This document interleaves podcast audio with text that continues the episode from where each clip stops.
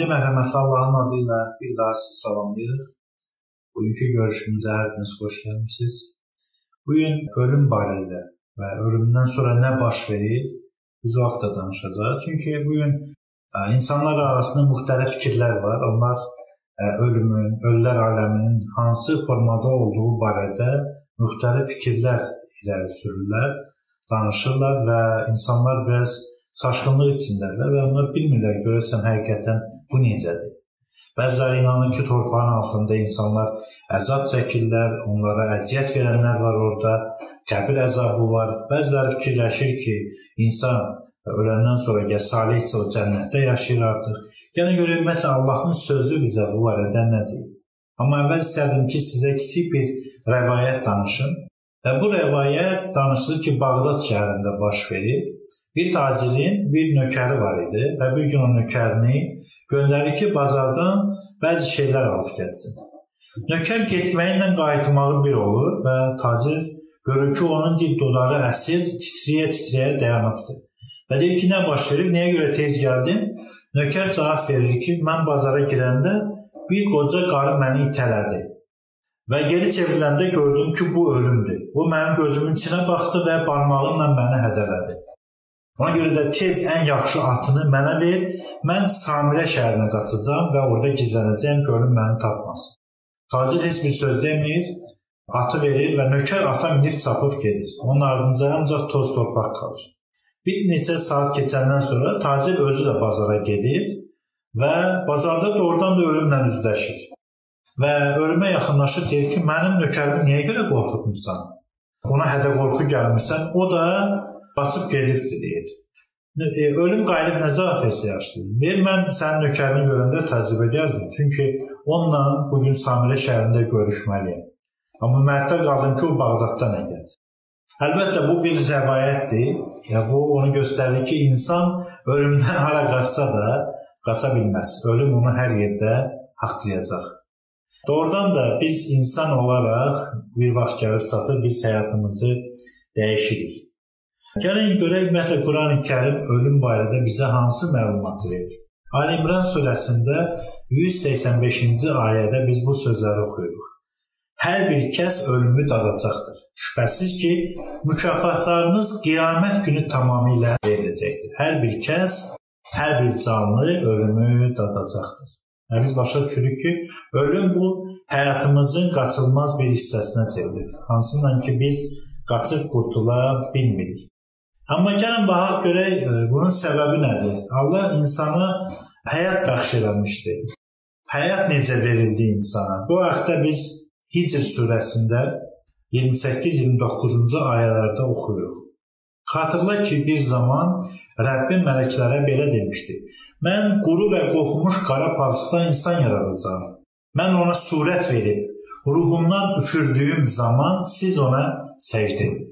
Və başqa bir ayəyə gəlin baxaq, görək Yaradılış kitabı necə deyir? Rəbb Allah yerin torpağından insanı düzəltdi və onun burnuna həyat nəfəsi üfürdü, beləcə insan canlı bir varlıq oldu. Və bu ayələrdən, həm Qurandan, həm Tövratdan olan ayələrdən biz bu nəticəyə gəlir ki, insanın həyatı, onun həyat formulası bundan ibarətdir. Bədən üstə gələk nəfəs bərabərdir canlı insan. Bu həyatın formudur. Yəni bədənlə ruh birləşəndə bu canlı insan olmaq deməkdir. Bəs ölümün formulu necədir? Gəlin biz ona da baxaq. Taha surəsində Qurani-Kərimdə 55-ci ayədə biz oxuyuruq. Sizi ulu babanız Adəmi də onda o torpaqdan yaratdıq.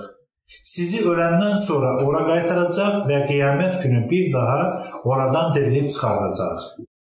İnsanın bədənini hardan yaratdıq? Torpaqdan və hara qayıdacaq? Öləndən sonra da torpağa qaytaracaq. Vaiz kitabında biz oxuyuruq Süleyman peyğəmbər bu sözləri deyir. Torpaq gəldiyi yerə qayıtmamış. Həyat nəfəsi onu verən Allaha dönməmiş, səni yaradanı xatırla. Ölümün formulası nədir? Bədən minus nəfəs və yaxud ruh bərabərdir ölüm və yaxud torpaq. Bu e, görə ki, insan bu formuladan ibarətdir. Əgər onda həm bədən, həm ruh və yaxud nəfəs varsa, o canlıdır. Əgər onda nəfəs yoxdursa, artıq o cansızdır və o ölümə məhkum olunur. Buna görə də biz bundan başa düşürük ki, həyat bundan ibarətdir. Əyyub Peyğəmbərin kitabında oxuyuruq 27-ci surədə bu sözləri. Nə qədər canımda can, burnumda Allahın nəfəsi varsa, ağzımdan pis söz çıxmayacaq, dilim yalan danışmayacaq. Bu başqa sözlə desək, ruhun hansı formada olduğu barədə Əyyub peyğəmbər bizə deyir ki, burnumda Allahın nəfəsi. Allahın nəfəsi bu bizim ruhumuz deməkdir. Əgər bu varsa mənim dilimdən pis sözlər çıxmayacaq. Nə qədər canımda can var, Diqqət yetirəndə görürük ki, nəfəs almaq qabiliyyəti, havanı almaq və vermək bu həyat deməkdir. Əgər biz nəfəsimizi alsaq və onu daxilimizdə saxlasaq və onu buraxmasaq, biz boğulub ölə bilərik. Və yaxud nəfəsimizi buraxsaq və onu geriyə almasaq, yenə də ölə bilərik. Yəni nəfəs alıb qaytarmağımız bu həyat deməkdir, bu yaşamaq deməkdir. Və insanın öldüyünün sübutu da onun haqqında nə deyir? O artıq nəfəs almır. Nəfəs almırsa, deməli artıq o dünyasını dəyişir.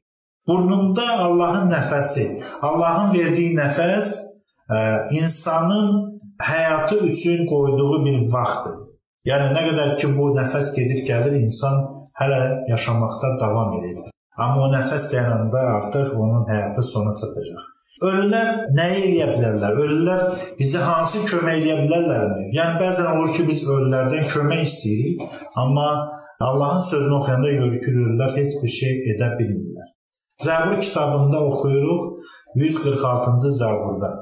Əsilzadələrə sizi qurtara bilməyən bəşər oğluna güvənməyin. Onlar canı çıxan kimi torpağa düşər. Niyyətləri bircə anda yoxa çıxar. Vaiz kitabından oxuyaq 9-cu surədə 5-ci 6-cı ayələr. Çünki dirilər öləcəklərini bilir, ancaq ölülər heç nə bilmir. Onlara da heç vaxt əvəz verilməyəcək. Çünki onların xatirəsi də unudulub. Ölülərin sevgisi, nifrəti, paxıllığı artıq məhv olub. Səma altında görünən işlərdə daha payları olmayacaq. Bunu Süleyman söylüyor. Süleyman peyğəmbər söylüyor ki, artıq ölülər heç nə bilmir. Ona görə onlar heç nə bilmirlərsə, bizə də heç bir köməkləri dəyə bilməz. Vaiz kitabının 9-cu surəsində də bu sözləri oxuyuruq. Çalışmaq üçün nə bacarırsan, var gücünlə et. Çünki gedəcəyin ölülər diyarında nə iş, nə fikir, nə bilik, nə də hikmət var. Gedəcəyin ölülər diyarında bunların heç biri yoxdur. Nə bacarırsan, hələ sağ ikən onları eləyə bilərsən. Qurani-Kərimdə Fatir surəsinin 22-ci ayəsində oxuyuruq. Dirilərlə ölülər də eyni deyillər. Şübhəsiz ki, Allah dilədiyinə eşitdirər. Sən isə qəbirlərdə olanlara eşitdirən deyilsən. Başqa bir ayə gəlin baxaq. Rum surəsində 52-ci ayədə. Şübhəsiz ki, sən çağırışı nə ölülərə bildirə bilərsən, nə də dönüb gedən karlara eşitdirə bilərsən. Bu ayələr nə göstərir? Bu ayələr vasitəsilə biz başa düşürük ki, ölülər heç nə eşitmir. Əgər bu gün kimlərsə ölülərin üzərində Quran oxuyurlarsa, Onlar başa düşsünlər ki, Quranın ölüyə heç bir xeyri yoxdur. Ancaq diri olan insanlar onu başa düşürlərsə, ondan onlar özlərinə nəsə götürə bilərlər. Amma ölülərin heç bir şeyi yaddaşı da yoxdur.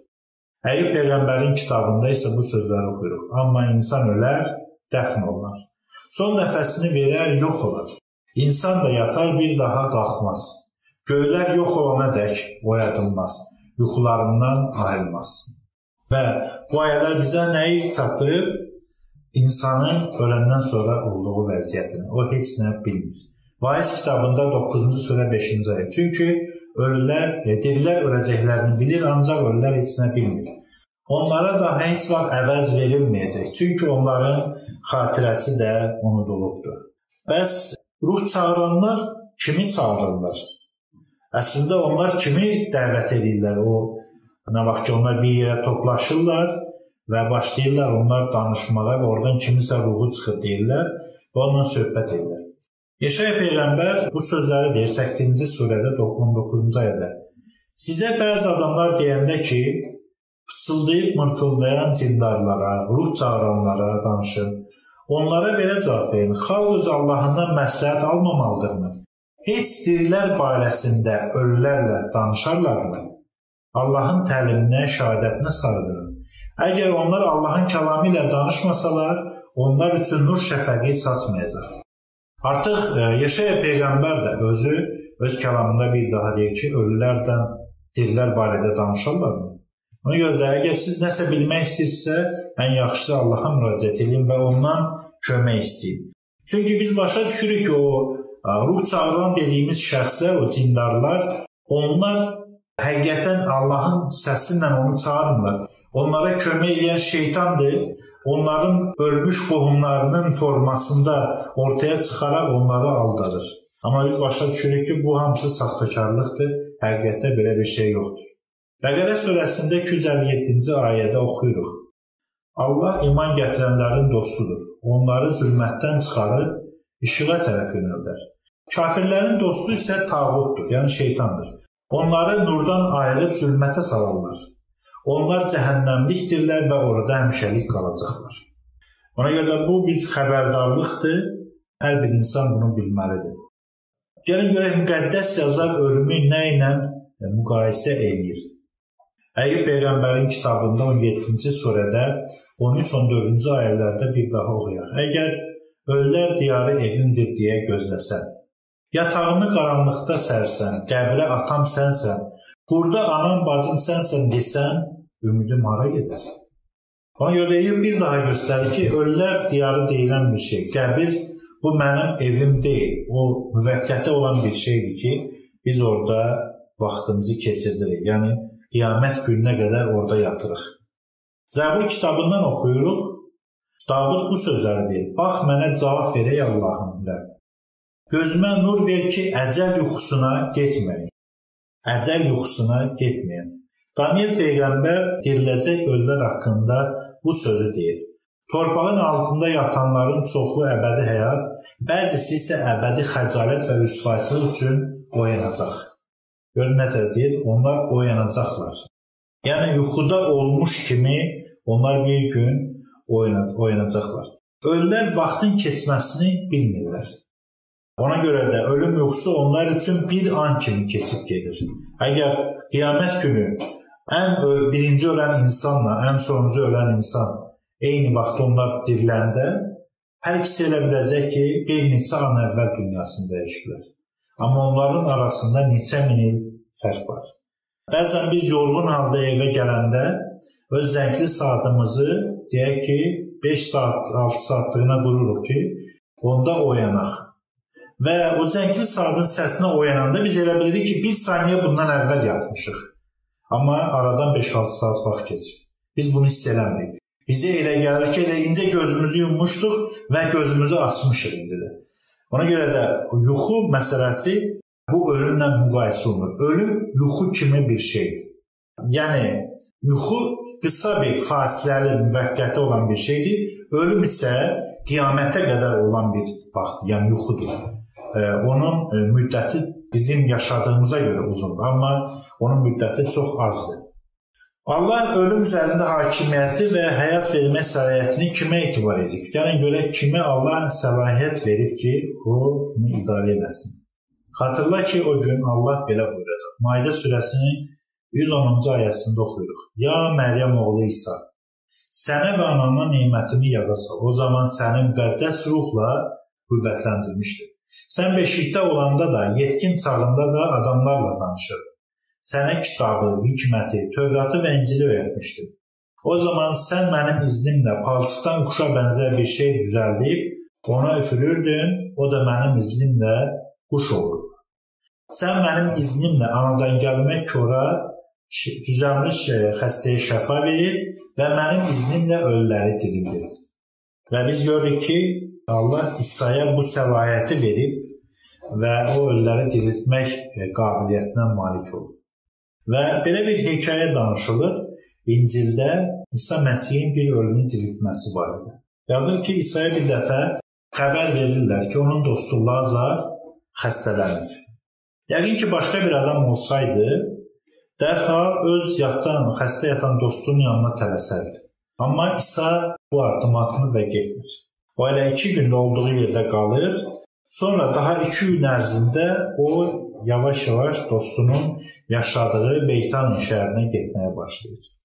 Bu müddət ərzində artıq Lazar ölmüşdü, dostu onu artıq dəfn etmişdilər. İsa şagirdləri ilə həmin kəndə yaxınlaşanda Lazarın bacısı Marta onun qarşısına qaçır. İsa'nı qarşılayaraq ona bu sözü deyir. Ya Rəbb, əgər sən burada olsaydın, qardaşım ölməzdi.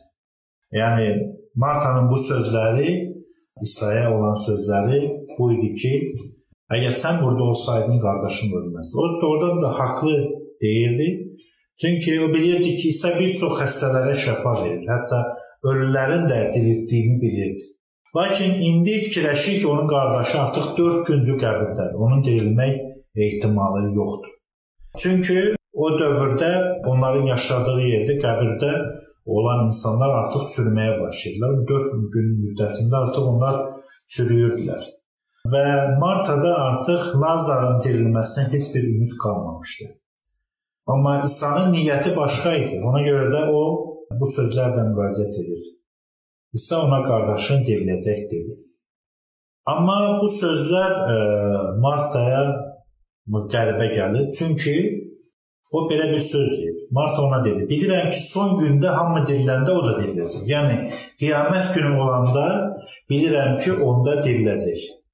Çünki Marta inanırdı ki, dünyanın sonunda dirilmə günündə qardaşı da dirilə bilər. Amma İsa istəyirdi ki, burada əyani şəkildə dünyanın sonunda necə hadisə baş verəcəyini göstərsin. O qəbrin yanına gedir Marta ilə birlikdə, orada olan insanlarla birlikdə xahiş edir ki, qəbrin ağzına qoyulan daşı götürsünlər. Amma Marta etiraz eləməyə başlayır ki, o artıq orada çürüyür. Artıq orada iylənir. O iyi gəlir orada, onu necə açmaq olar? Amma İsa ona nə deyir? Axı mən sənə söyləmədimmi, iman etsən, Allahın izzətini görəcəksən. Allahın izzətini görəcəksən. Beləliklə daşı kənara çəkirlər və İsa dua edərək o bu sözləri deyir. Lazar bayıra çıx. Ölü də bayıra çıxdı. Onun əl-ayağı sarğılarla və özü dəsmalla bağlanmışdı. İsa onlara onu açın və buraxın getsin dedi. Buraxın getsin dedi. Lazarın üzündə o kəfəni açanda, soyunduranda hamı gördü ki, onun bədəni tamamilə tərtəmizdir. Yəni heç bir çürümə və iylənmə yoxdur. Bu da görünməyən bir hadisə idi. 4 gün qəbirdə yatan bir insanın bu formada çıxması çox möcüzə idi. İsa o cəsədi çürüməkdə ikən artıq diriltmişdi. Bu da onu göstərir ki, İsa'nın ölüm üzərində hakimiyyəti var. Quran-Kərim bunu təsdiqləyir ki, o ölüləri dirildirdi. Və ölümün necə olduğunu da o çox yaxşı bilirdi. İsa hələ şagirdləri ilə ora o kəndə gəlməmişdən qabaq o söhbət eləyəndə şagirdləri elə başa düşmüşlər ki, görəsən o niyə dostunun yanına getmir? Çünki İsa onlara bu sözü demişdi. Dostumuz Lazar uyuyub, yəni yuxuya gedib. Mən onu oyatmaq üçün gedirəm. Bu sözləri deyəndə şagirdlər elə fikirləşdilər ki, onun yatmağından söhbət edir. Ona görə sakitləşdilər. Amma İsa onda nə dedi? Ona görə onlar dedilər, əgər uyuyubsa sağalacaq. Yəni yuxuya gedibsə oyanacaq və sağalacaq. Amma İsa onlara açıq şəkildə dedi ki, Lazar ölüb. Yəni ölümü görür ki, burada İsa Məsih yuxu ilə müqayisə edir. Artıq açıq şəkildə dedi ki, Lazar ölübdür. Biz oxuyuruq Quran-Kərimdən yenə Rum surəsinin 40-cı ayəsində. Sizi yaradan, sonra sizə ruzi verən, sizi öldürən və daha sonra dirildəcək məhz Allahdır. Şərikləriniz içərisində bunlardan heç olmasa birini edə bilən varmı? Allah başdır müqəddəs, ona şərik qoşduqlarından ucadır. Və görün hansı sözləri deyir bu ayət Quran-ı Kərimdə deyir, şəriklərinizin içərisində bunlardan heç olmasa birini edə bilən varmı? Yəni yaradan, ruzi verən, öldürən, sonra dirildən. Amma biz ə, Quran-ı Kərim ayələrinin arasında görürük ki, İsa yaratmaq qabiliyyətinə malik idi. Deyir, palçıqdan quşa bənzər bir şey düzəldirdi və ona sürürdü və o canlı varlıq olurdu, quş olurdu. Sonra ruzi verən İsa görür ki, dəfələrlə insanlara ruzi verirdi. E, eyni zamanda diriltmək qabiliyyətinə də malik idi. Yəni İsa bunu eləyə bilirdi. Yəni bu İsa'ya icazə verilmişdi. Korinflərə olan məktubda Həvari Paul bu sözləri deyir. Baxın, sizə bir sir açmaq istəyirəm. Hamımız vəfat etməyəcəyik, amma son şeypur çalınanda bir andaca, bir göz qırpımındaca hamımız dəyişiləcəyik. Çünki şeypur çalınacaq, ölülər çürümezliklə diriləcək, biz isə dəyişiləcəyik. Çünki bu çürüyən bədən çürümezliyi, bu ölümə düçar olan bədən ölməzliyi geyməlidir. Çürüyən bədən çürməzliyi və ölümə düçar olan bədən ölməzliyi geydikdə ölüm yox edildi. Onun üzərində qələbə çalındı deyə yazılmış söz yerinə yetəcək. Ey ölüm, qələbən hanı? Ey ölüm, neşlərin hanı? Ey ölülər diyarı, qələbən hanı? Və bu ayələrdən də biz görürük ki, doğrudan da ölüm sonda qiyamətdə artıq o məhv olacaq. Artıq ölüm olmayacaq. Yəni qiyamətdən sonra insanlar əbədi yaşayacaqlar. Eyni zamanda Həc surəsində biz oxuyuruq 7-ci ayədə. O saat mütləq gələcəkdir. Söhbət qiyamət saatından gedir. Ona heç bir şək şübhə yoxdur və Allah qəbirlərdə olanları dirildəcəkdir. Bu da Allahın sözləridir ki, Allah qəbirlərdə olanları da dirildəcəkdir. Bir anlığa gəlin düşünək. Əgər insan ölümdən sonra dərhal cənnətə və yaxud cəhənnəmə gelirsə, Bəs onda dirilmənin faydası nədir? Onda qiyamət gününə nə ehtiyac var? Artıq öləndən sonra artıq o cənnətə gedirsə və yaxud da hansısa bir cəhənnəmdə yanırsa, qiyamət günü dirilib torpağın altından çıxmağın nə mənası var?